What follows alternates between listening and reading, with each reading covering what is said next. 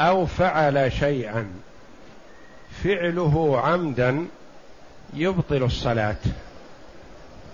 ففعله سهوا يوجب سجود السهو. إيضاح ذلك مثلا بعد قراءة الفاتحة قرأ التحيات عمدا. هل تبطل صلاته؟ لا. إذا قرأها سهوا هل يجب عليه سجود سهو؟ لا. لأن فعل هذا الشيء عمدا لا يبطل الصلاة ففعله سهوا لا يوجب سجود السهو. ترك التشهد الأول في الصلاة الرباعية أو صلاة المغرب عمدا قام إلى الثالثة ولم يجلس التشهد عمدا. تصح صلاته؟ لا ما تصح. إذا قام إلى الثالثة ولم يتشهد التشهد الأول سهوا فهل تصح صلاته؟ نعم. اذا ترك التشهد الأول عمدا يبطل الصلاة. ترك التشهد الأول سهوا يوجب سجود السهو. فأي فعل أو قول يفعله المصلي إذا كان عمده يبطل الصلاة فسهوه يوجب سجود السهو. وإذا كان عمده لا يوجب لا يبطل الصلاة فسهوه لا يوجب سجود السهو. كبر تكبيرة الإحرام وشرع. بسم الله الرحمن الرحيم الحمد لله رب العالمين. ولم يستفتح ولم يتعوذ بالله من الشيطان الرجيم. عمدا. هل تصح صلاته؟ نعم. تصح. إذا ترك هذه سهوا هل يجب عليه سجود السهو؟ لا. وهذا معنى قول المؤلف رحمه الله تعالى وسجود السهو لما يبطل عمده الصلاة واجب. إذا تعمد ترك سبحان ربي العظيم في الركوع. هل تبطل صلاته؟ نعم. إذا تركه سهوا هل يجب عليه سجود السهو؟ نعم. وهكذا. نعم. لأن النبي صلى الله عليه وسلم فعله. يعني سجد للسهو. وأمر به. من سهى في صلاته فليسجد. ففعله وأمره عليه الصلاة والسلام دل على الوجوب. لأنه شرع لجبر واجب فكان واجبا. يقول كجبرانات الحج. كجبرانات الحج. جبرانات الحج الهدي. فمثلا يجب عليه أن يحرم من الميقات. تجاوز الميقات بدون إحرام وأحرم دون الميقات يكون أخطأ. هل يبطل حجه؟ لا. ما الذي يجبر خطأه هذا؟ الهدي دم. ولهذا سجود السهو في الصلاة كجبرانات الحج. نعم. وجميعه قبل السلام جميع سجود السهو إلا ما يستثنى. اولا نعرف أن جميع سجود السهو إذا فعله قبل الصلاة قبل السلام صح. وإن فعله كله بعد السلام صح. سجد للسهو قبل السلام صح. سجد للسهو بعد السلام صح. لكن متى يكون الأولى قبل السلام ويكون الأولى بعد السلام؟ هذا ما يريد أن يبينه المؤلف رحمه الله. نعم. لأنه من تمامها وشأنها فكان قبل سلامها لأن سجود السهو من تمام الصلاة وجبر للصلاة فيكون متى؟ قبل الانتهاء منها. يعني إذا لم يبقى إلا السلام سجد ثم سلم. نعم. كسجود صلبها؟ كسجود صلبها. سجود صلب الصلاة يصلح بعد ما يسلم؟ لا. فسجود السهو للصلاة يسجده قبل أن يسلم إلا ما يأتي. نعم. إلا في ثلاثة مواضع. إلا في ثلاثة مواضع. فهذه الثلاثة الأولى يعني في موضعين منها الأولى أن يسجد بعد السلام. فإن سجد فيها قبل السلام صح. والثالث نتيجة الفوات كما سيأتي. نعم. أحدها إذا سلم من نقصان في صلاته سجد بعد السلام. إذا سلم من نقصان في صلاته. مثل قصة أو حديث ذي اليدين. سلم من ركعتين أو سلم من ثلاث ركعات في الرباعية فنبه فقام. وأتى بما بقي من صلاته. هذه الحال الأولى أن يسجد بعد السلام. يتشهد ثم يسلم ثم يكبر للسجود ثم ينهض للسجود عن السجود فيقول رب اغفر لي ثم يسجد الثانية ثم ينهض بتكبيره ثم يتشهد ويسلم أو يسلم بدون تشهد كما سيأتينا. نعم. لحديث ذي اليدين الثاني. لحديث ذي اليدين. حديث ذي اليدين معروف.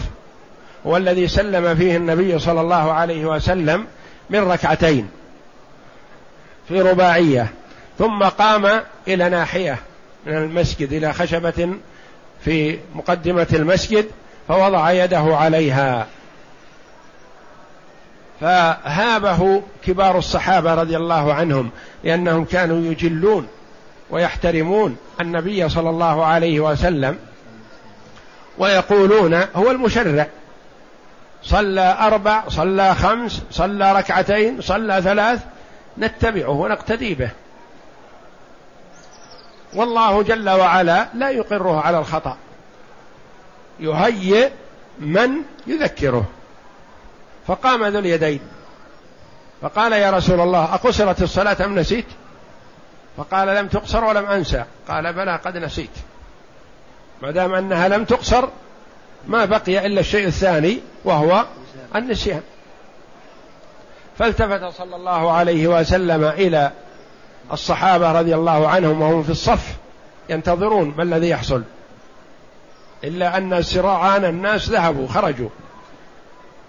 فقال أحق ما يقول ذو اليدين قالوا نعم. فقام صلى الله عليه وسلم وكمل صلاته.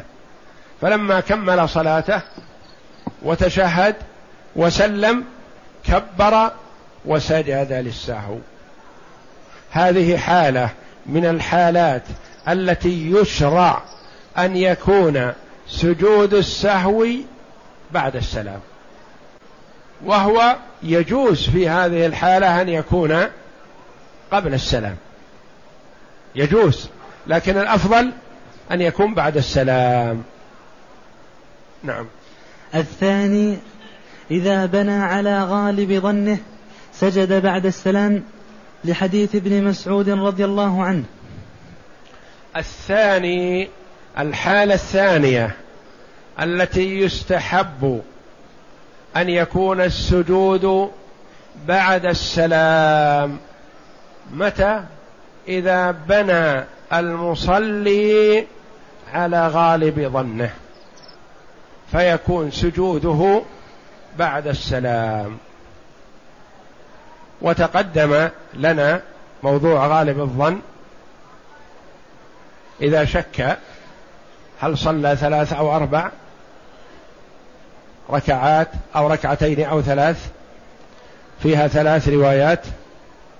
الأولى إحداها يبني على غالب ظنه.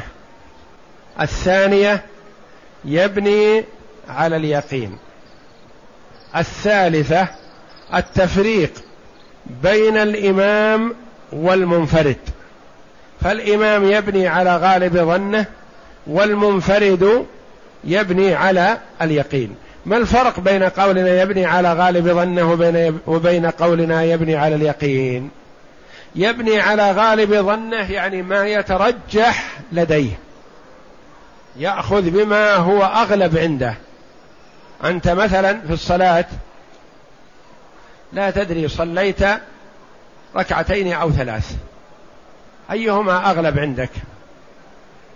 نقول مثلا الأغلب عندي أني صليت ثلاث. نقول أكمل رابعه وتمت صلاتك. خذ بغالب ظنك. هذا غالب الظن.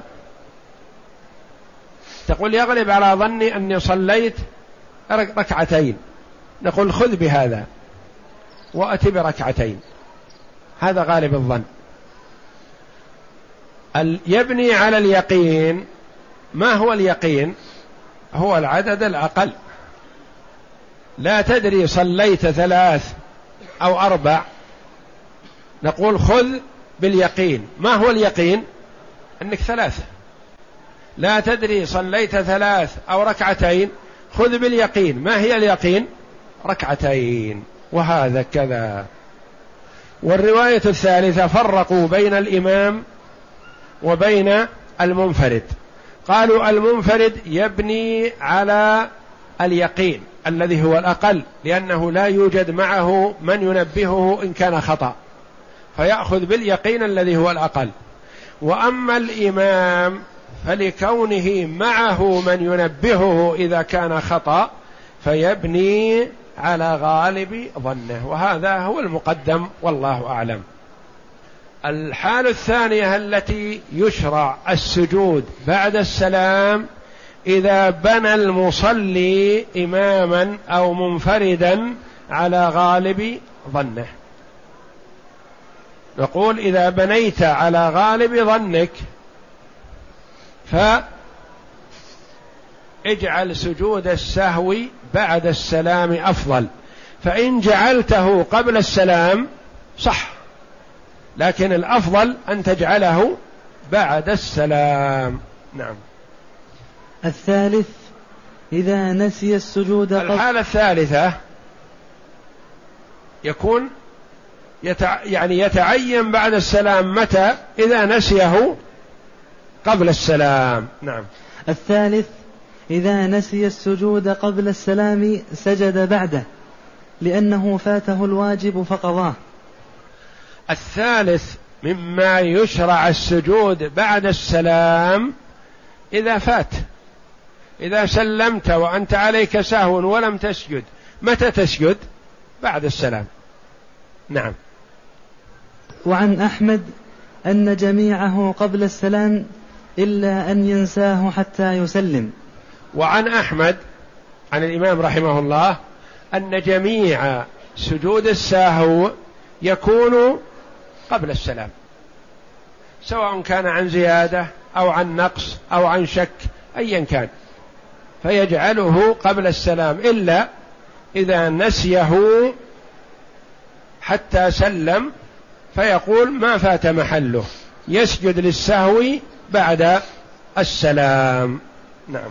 وعنه ما كان من زياد ما كان من زيادة فهو بعد السلام لحديث ذي اليدين. وما كان من نقصان أو شك كان قبله لحديث أبي بحينة وأبي سعيد رضي الله عنهما. وعنه رواية ثالثة عن الإمام أحمد أن من كان من زيادة فيكون بعد السلام. ما كان من زيادة مثل الذي سلم في أثناء الصلاة هذا في زيادة.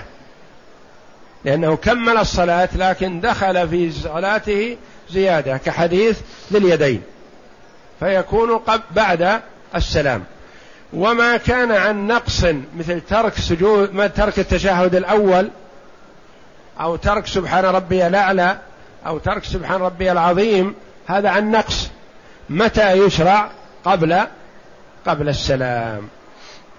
وكأنه قال يعني تعليل ما كان من زيادة فلا نزيد قبل السلام. نجعله بعد ما ننتهي من الصلاة.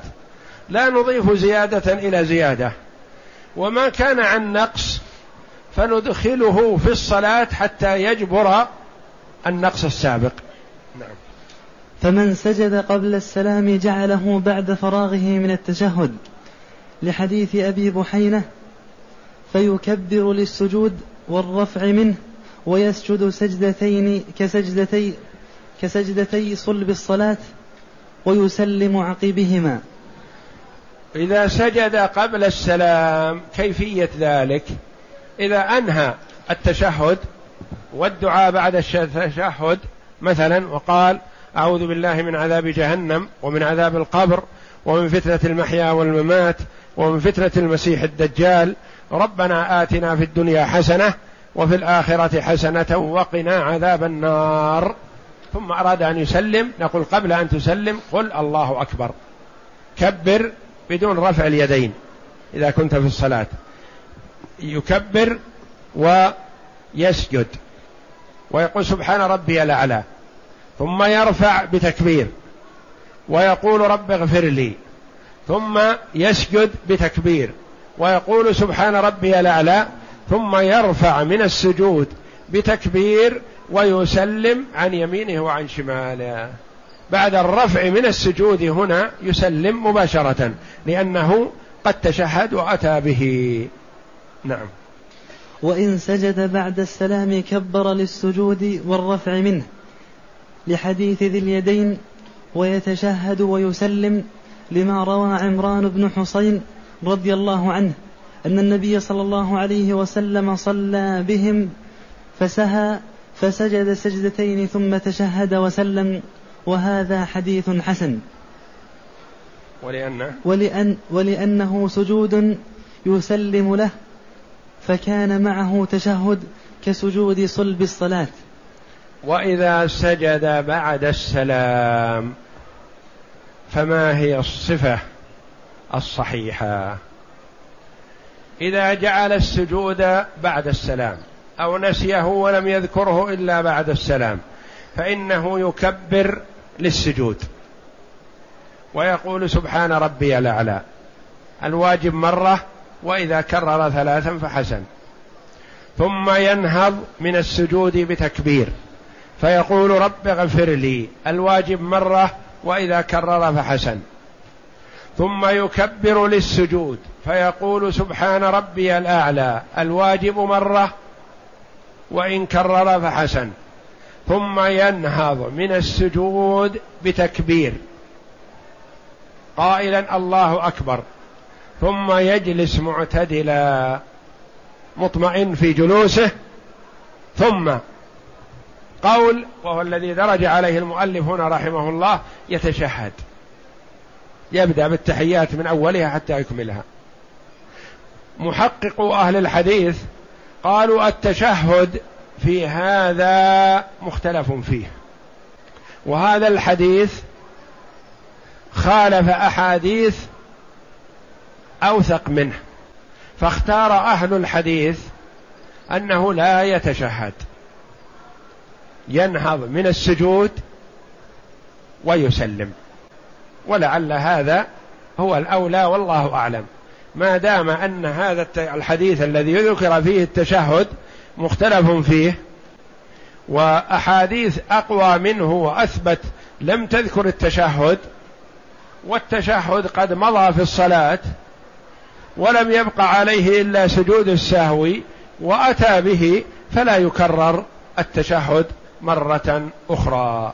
فإذا نهض من سجوده سلم على يمينه وعلى شماله. نعم.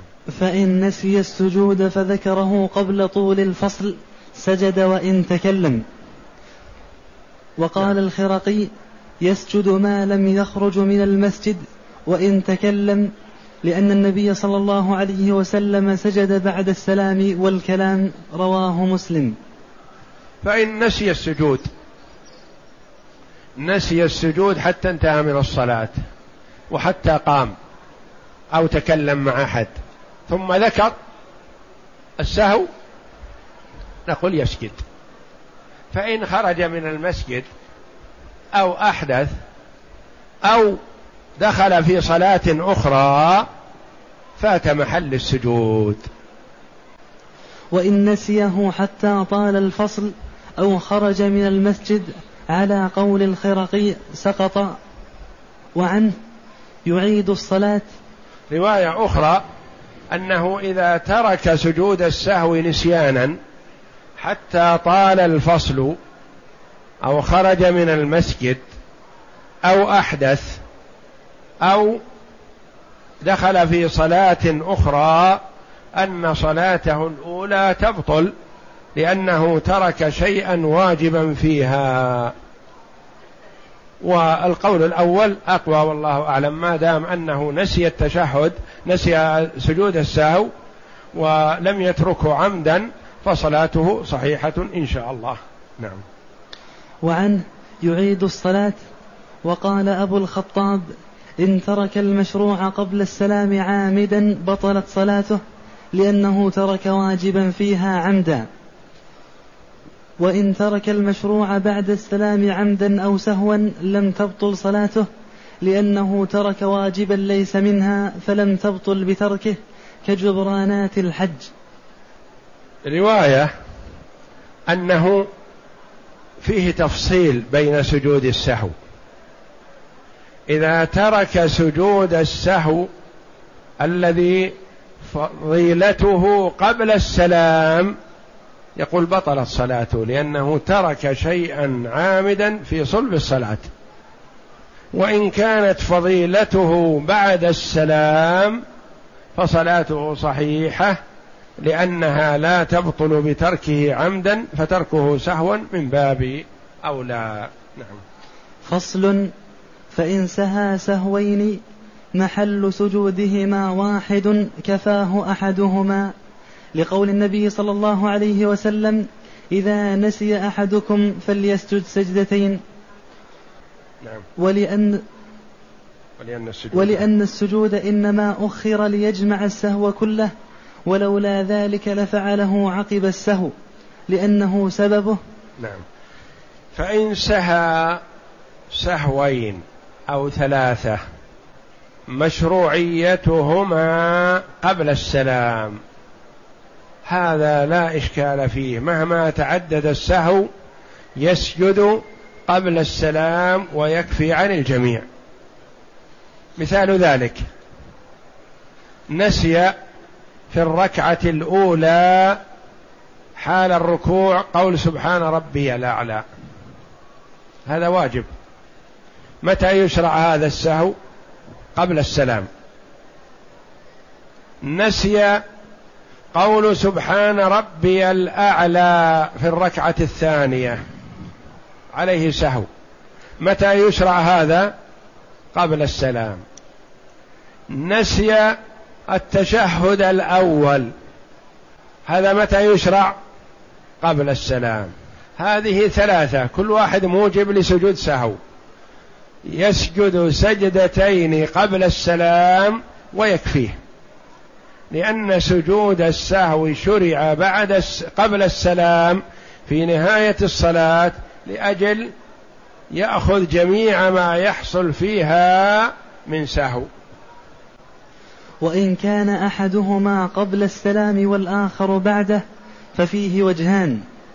أحدهما يجزئه سجود واحد لذلك ويسجد قبل السلام لأنه أسبق وآكد. ولم يسبقه ما يقوم مقامه فلزمه الإتيان به بخلاف الثاني. والثاني يأتي بهما في محلهما لقول النبي صلى الله عليه وسلم لكل سهو سجدتان رواه أبو داود. إذا إذا سهى سهوين في الصلاة أحدهما مشروعيته قبل السلام. والآخر أفضليته بعد السلام. فما الحكم؟ سهوان. واحد قبل السلام سجوده وواحد بعد السلام سجوده. مثال ذلك. سهى وترك التشهد الأول وقام إلى الركعة الثالثة. بدون تشهد. هذا مشروعية أفضلية سجود السهو فيه متى؟ قبل السلام. لما صلى الركعة الثالثة جلس وسلم. فنبه على أنه بقي عليك ركعة. فقام وأتى بالركعة الرابعة. هذا السهو مشروعيته فضل أفضليته متى؟ بعد السلام لأنه سلم عن نقص حديث ذي اليدين.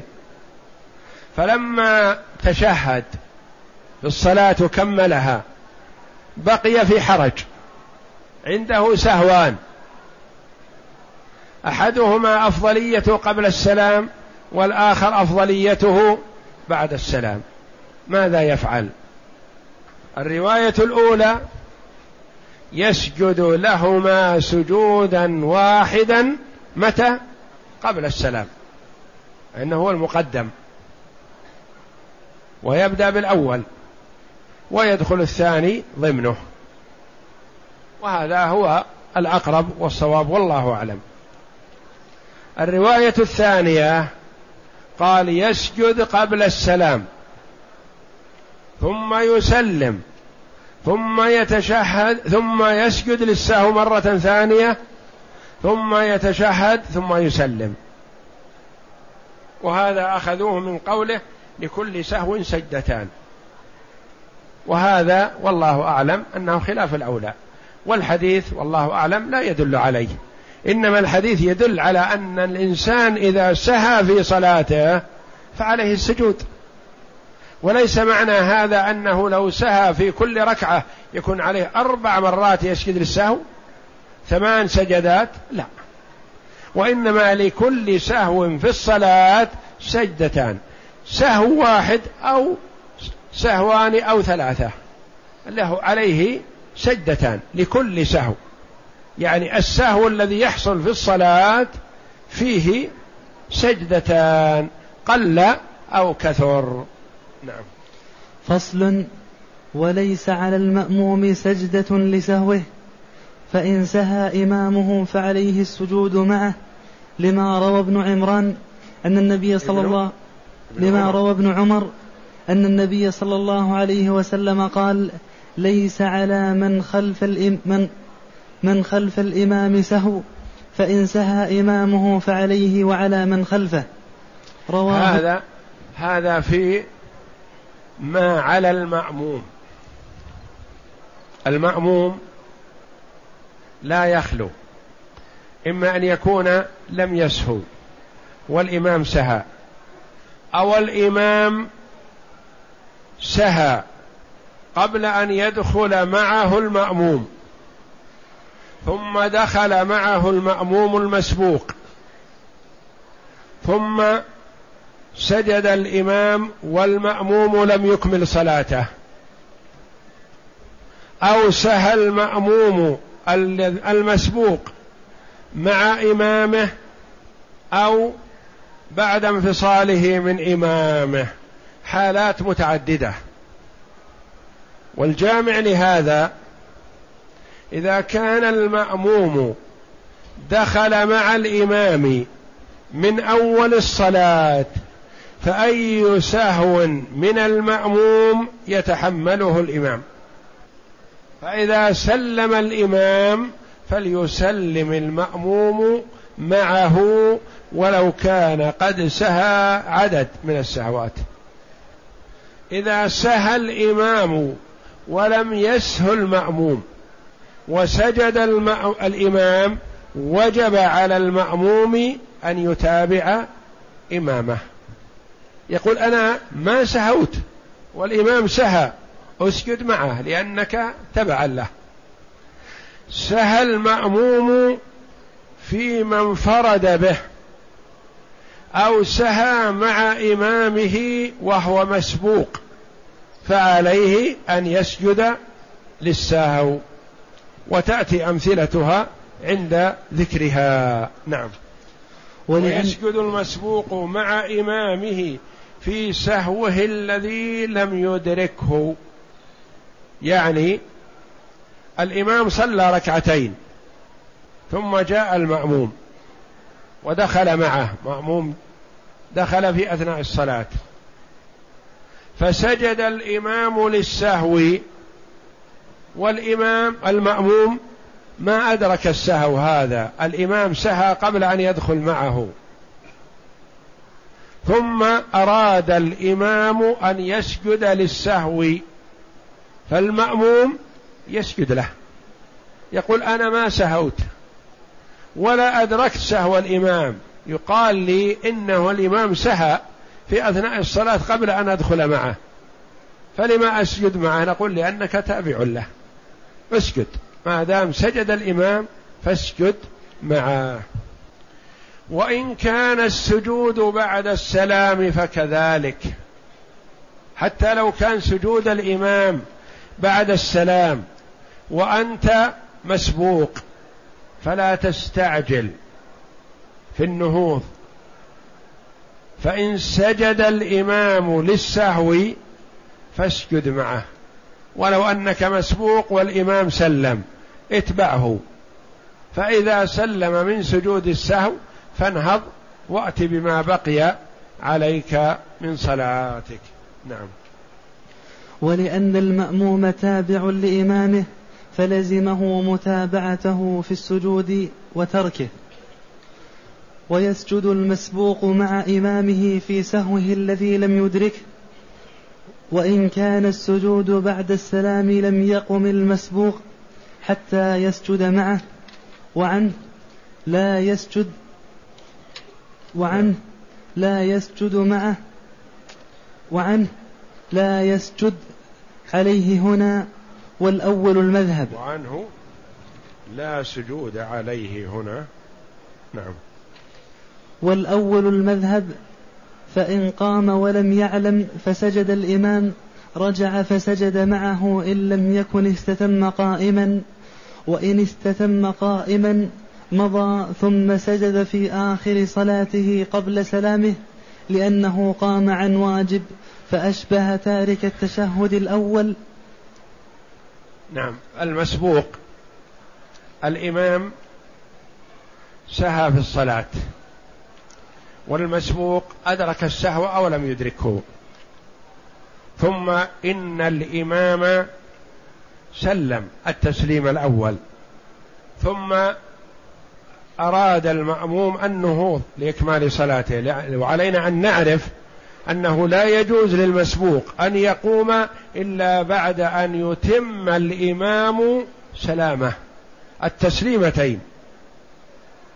خلافا لما يفعله بعض المتعجلين إذا سمع الإمام يسلم التسليمة الأولى نهض لا يا أخي انتظر حتى ينتهي الإمام فإذا انتهى الإمام من التسليم فقم. ثم إن سجد الإمام للسهو بعدما سلم وأنت لم تستتم قائما فارجع واسجد معه. فإن كنت استتممت قائما أو شرعت في قراءة الركعة التي سبقت بها فلا ترجع وإنما قبل أن تسلم تسجد للسهو ولم يح ولو لم يحصل منك سهو لأن إمامك سهى وأنت تبع الله. نعم. فإن سجد مع الإمام ففيه روايتان. إحداهما يعيد السجود لأن محله آخر, آخر الصلاة وإنما سجد مع إمامه تبعا فلم يسقط المشروع في محله كالتشهد. والثانية لا يسجد لأنه قد سجد وانجبرت صلاته وإن لم وإن لم يسجد مع إمامه سجد وجه سجد وجها واحدا. نعم. إذا سلم الإمام ثم سجد والمأموم أراد النهوض فرأى أن الإمام سجد فعليه أن يتبع الإمام ويسجد معه. السجدتين. فإذا سلم الإمام من سجود السهو فيقوم المأموم ويكمل صلاته. فإذا أكمل صلاته فهل يكتفي بالسجود الذي سجده للسهو مع الإمام أم يأتي بالسجود مرة أخرى؟ روايتان. قالوا يأتي بالسجود مرة أخرى. لما يرحمكم الله؟ لأن سجود السهو الأول جاء في وسط الصلاة. أليس مأمور بمتابعة الإمام؟ بلى هو تابع الإمام لكن لا نعتد بهذا عن سجود السهو لازم يأتي بسجود السهو عند السلام أو بعد السلام. وأما سجود سهو في وسط الصلاة لا نعتد به. الرواية الأخرى تقول لا هو عليه سجود سهو أتى به مع إمامه كفى. فلا يسجد مرة أخرى ولعل هذه أولى والله أعلم لئلا يجتمع عليه أربع سجدات للسهو. نعم. وإن ترك الإمام السجود فهل يسجد المأموم؟ فيه روايتان. إحداهما يسجد لأن صلاته نقصت بسهو إمامه ولم يجبرها فلزمه جبرها. والثانية لا يسجد لأنه إنما يسجد تبعا فإذا لم يوجد المتبوع لم يجب لم يجب التبوع. التبع. لم يجب التبع. إذا كان الإمام مثلا ترك سجود السهو والمأموم فقيه عرف أن الإمام عليه سجود سهو والمأموم والإمام ترك سجود السهو فهل يلزم المأموم أن يسجد للسهو قال روايتان. إذا إحداهما يسجد. لما أليس هو تبع لإمامه؟ نعم هو تبع لكن الإمام ترك هذا الشيء وصلاة الإمام انتهت والمأموم لم ينفرد عن الإمام وإنما يريد جبر صلاته فله أن يسجد. الرواية الثانية قالوا إذا لم يسجد المأموم إذا لم يسجد الإمام فلا يسجد المأموم لأن المأموم تبع فلا يتأتى السجود من التبع دون المتبوع. ولعله إذا علم أن عليه سجود سهو وسجد بعد سلام إمامه فلعله أولى لأنه جبر لصلاته وربما يكون عنده من الفقه ما ليس عند إمامه فلا يقلده أو يتابعه في جهله. نعم. فصل والنافلة كالفريضة في السجود لعموم الأخبار ولأنها في معناها. ولا يسجد, ولا يسجد لسهو في سجود السهو لأنه يفضي إلى التسلسل ولا في صلاة جنازة لأنه لا سجود في صلبها ففي جبرها أولى. نعم. والنافلة كالفريضة. هذا بيان من المؤلف رحمه الله أن ما يجب فيه سجود السهو في الفريضة يجب فيه سجود السهو في النافلة. وما يستحب فيه سجود السهو في الفريضة يستحب فيه في النافلة. لأن النافلة كالفريضة ولا خلاف بينهما إلا ما استثني من مسائل معدودة. مثلا كالصلاة جالس مع القدرة على القيام يصح في النافلة ولا يصح في الفريضة. لا يصح في الفريضة أن يصلي جالس وهو قادر على القيام.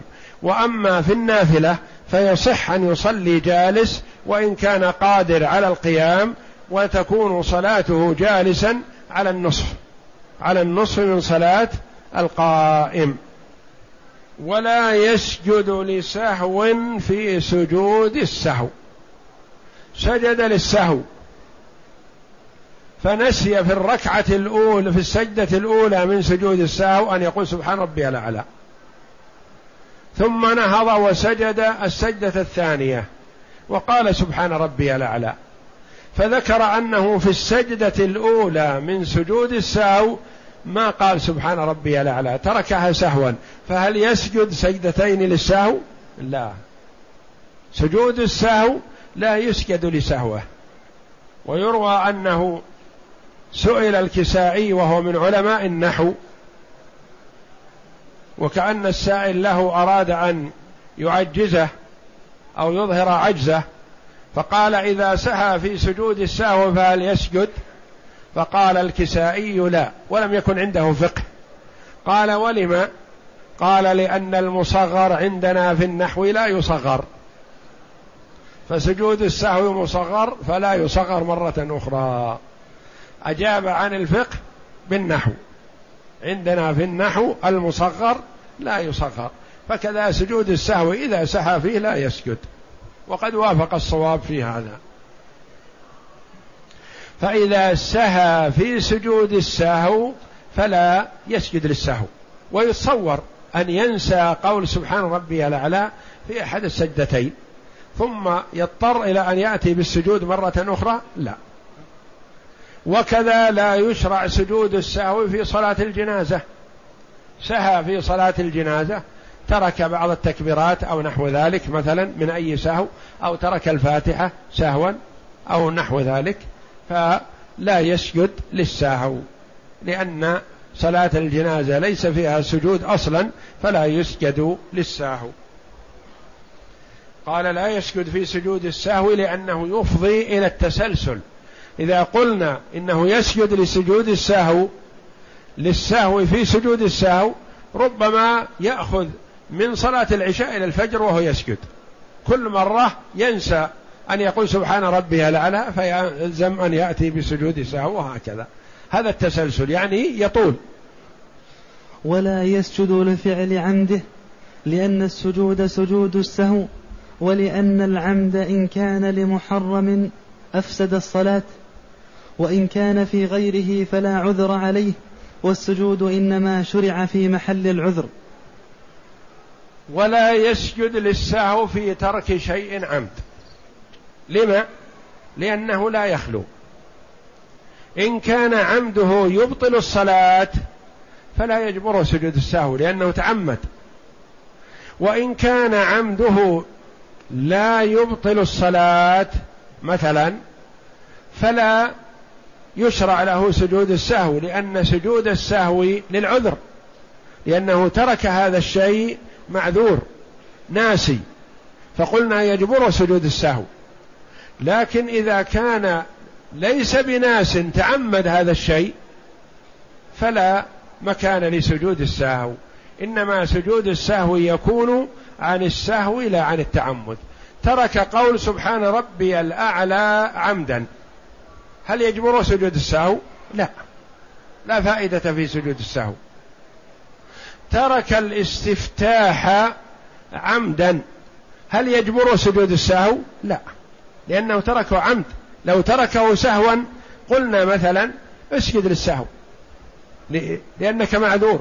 لكن تركت الشيء عمدا وتسجد للسهو لا.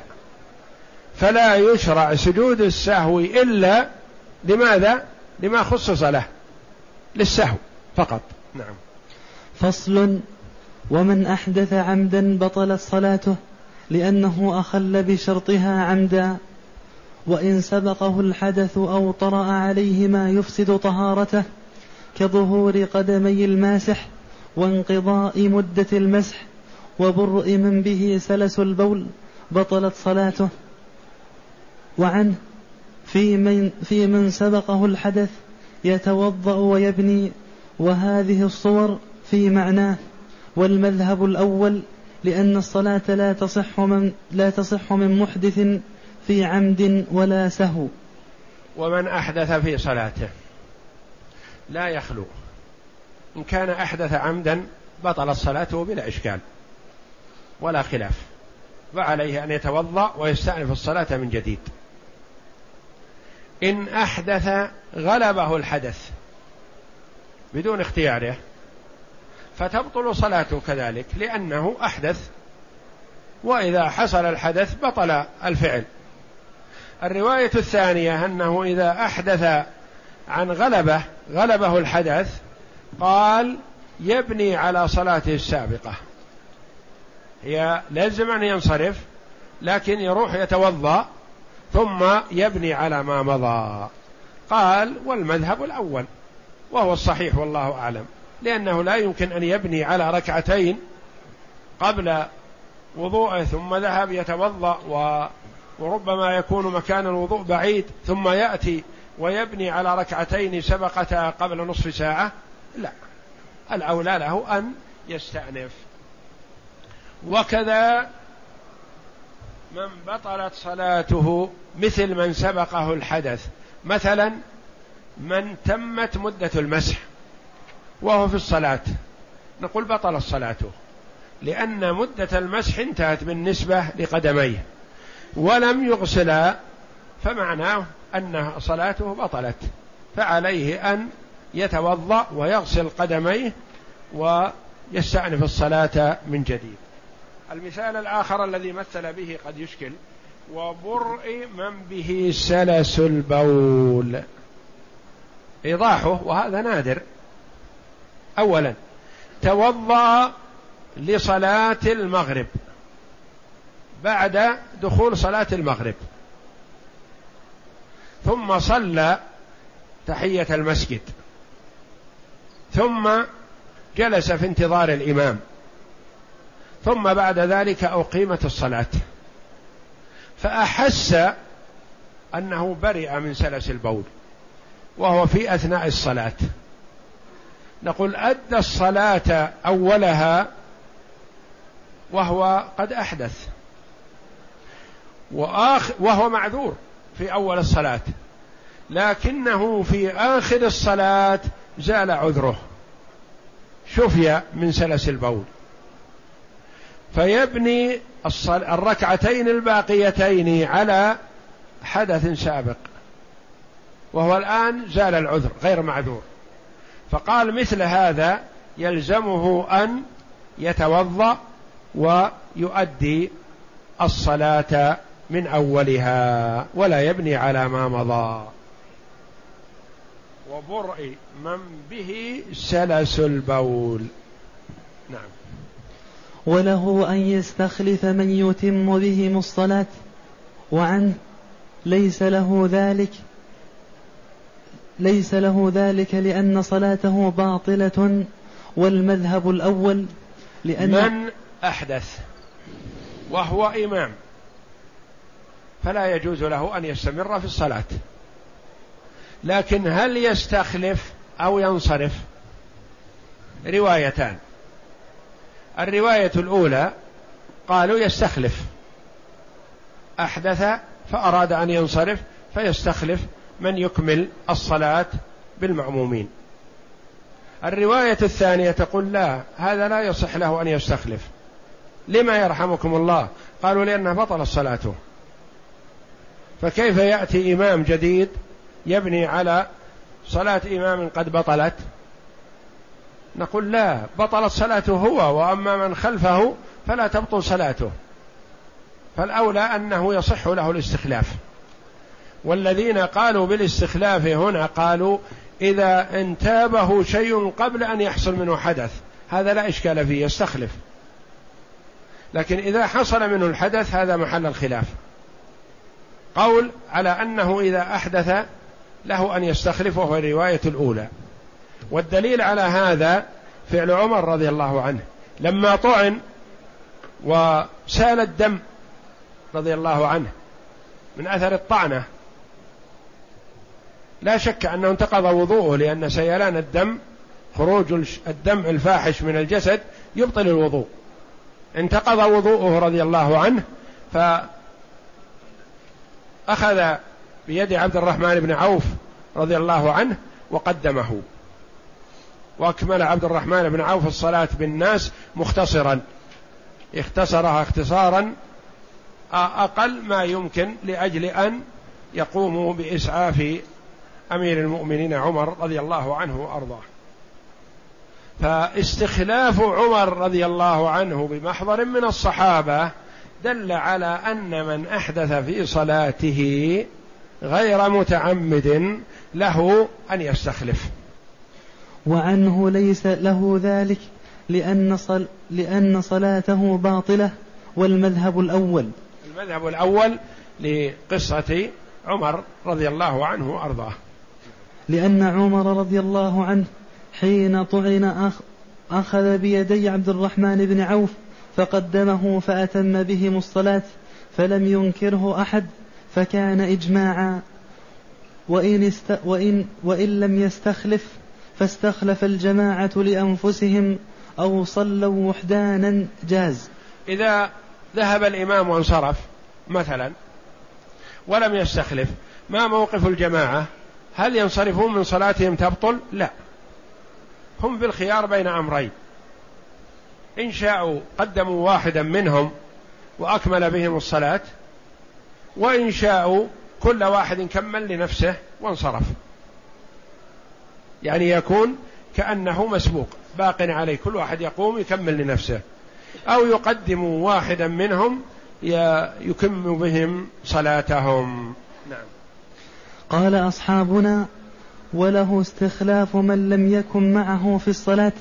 لأن النبي صلى الله عليه وسلم دخل في صلاة أبي بكر رضي الله عنه ولم يكن معه فأخذ فأخذ من حيث انتهى إليه أبو بكر رضي الله عنه. نعم. إذا أراد أن يستخلف فرأى أن من خلفه ومن دخل معه من أول الصلاة غير صالح للاستخلاف فأشر إلى واحد قادم ليحل محله. فيجوز هذا. ولو كان هذا القادم مسبوق. وعليه أن يبدأ من حيث وقف الإمام.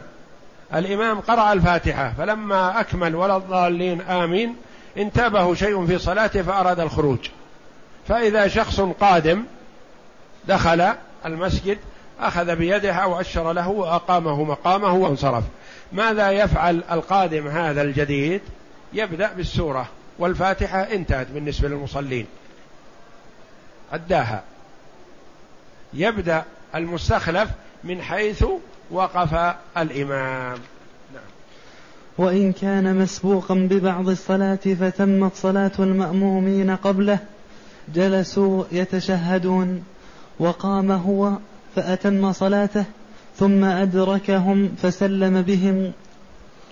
ولا يسلمون قبله. هذه يعايى بها فيقال إمام مسبوق.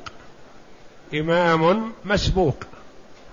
مثلا الإمام دخل في الصلاة فانتابه شيء في صلاته فأراد الانصراف فاستخلف شخصا مسبوقا بركعتين فدخل معهم وصلى بهم ما بقي عليهم من صلاتهم ركعتين. ثم ما الموقف؟ إن استمروا معه أتوا بست ركعات لأنهم أكملوا هم ركعتين مع الإمام الأول وركعتين مع الإمام الثاني. ثم قام الإمام الثاني ليكمل صلاته. فإن أكملوا معه صلوا ست ركعات وهذا لا يجوز بحال.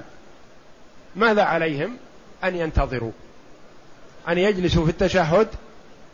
ثم يقوم الإمام ويأتي بما بقي عليه من الصلاة ركعتين. ثم يتشهد معهم ثم يسلم بهم.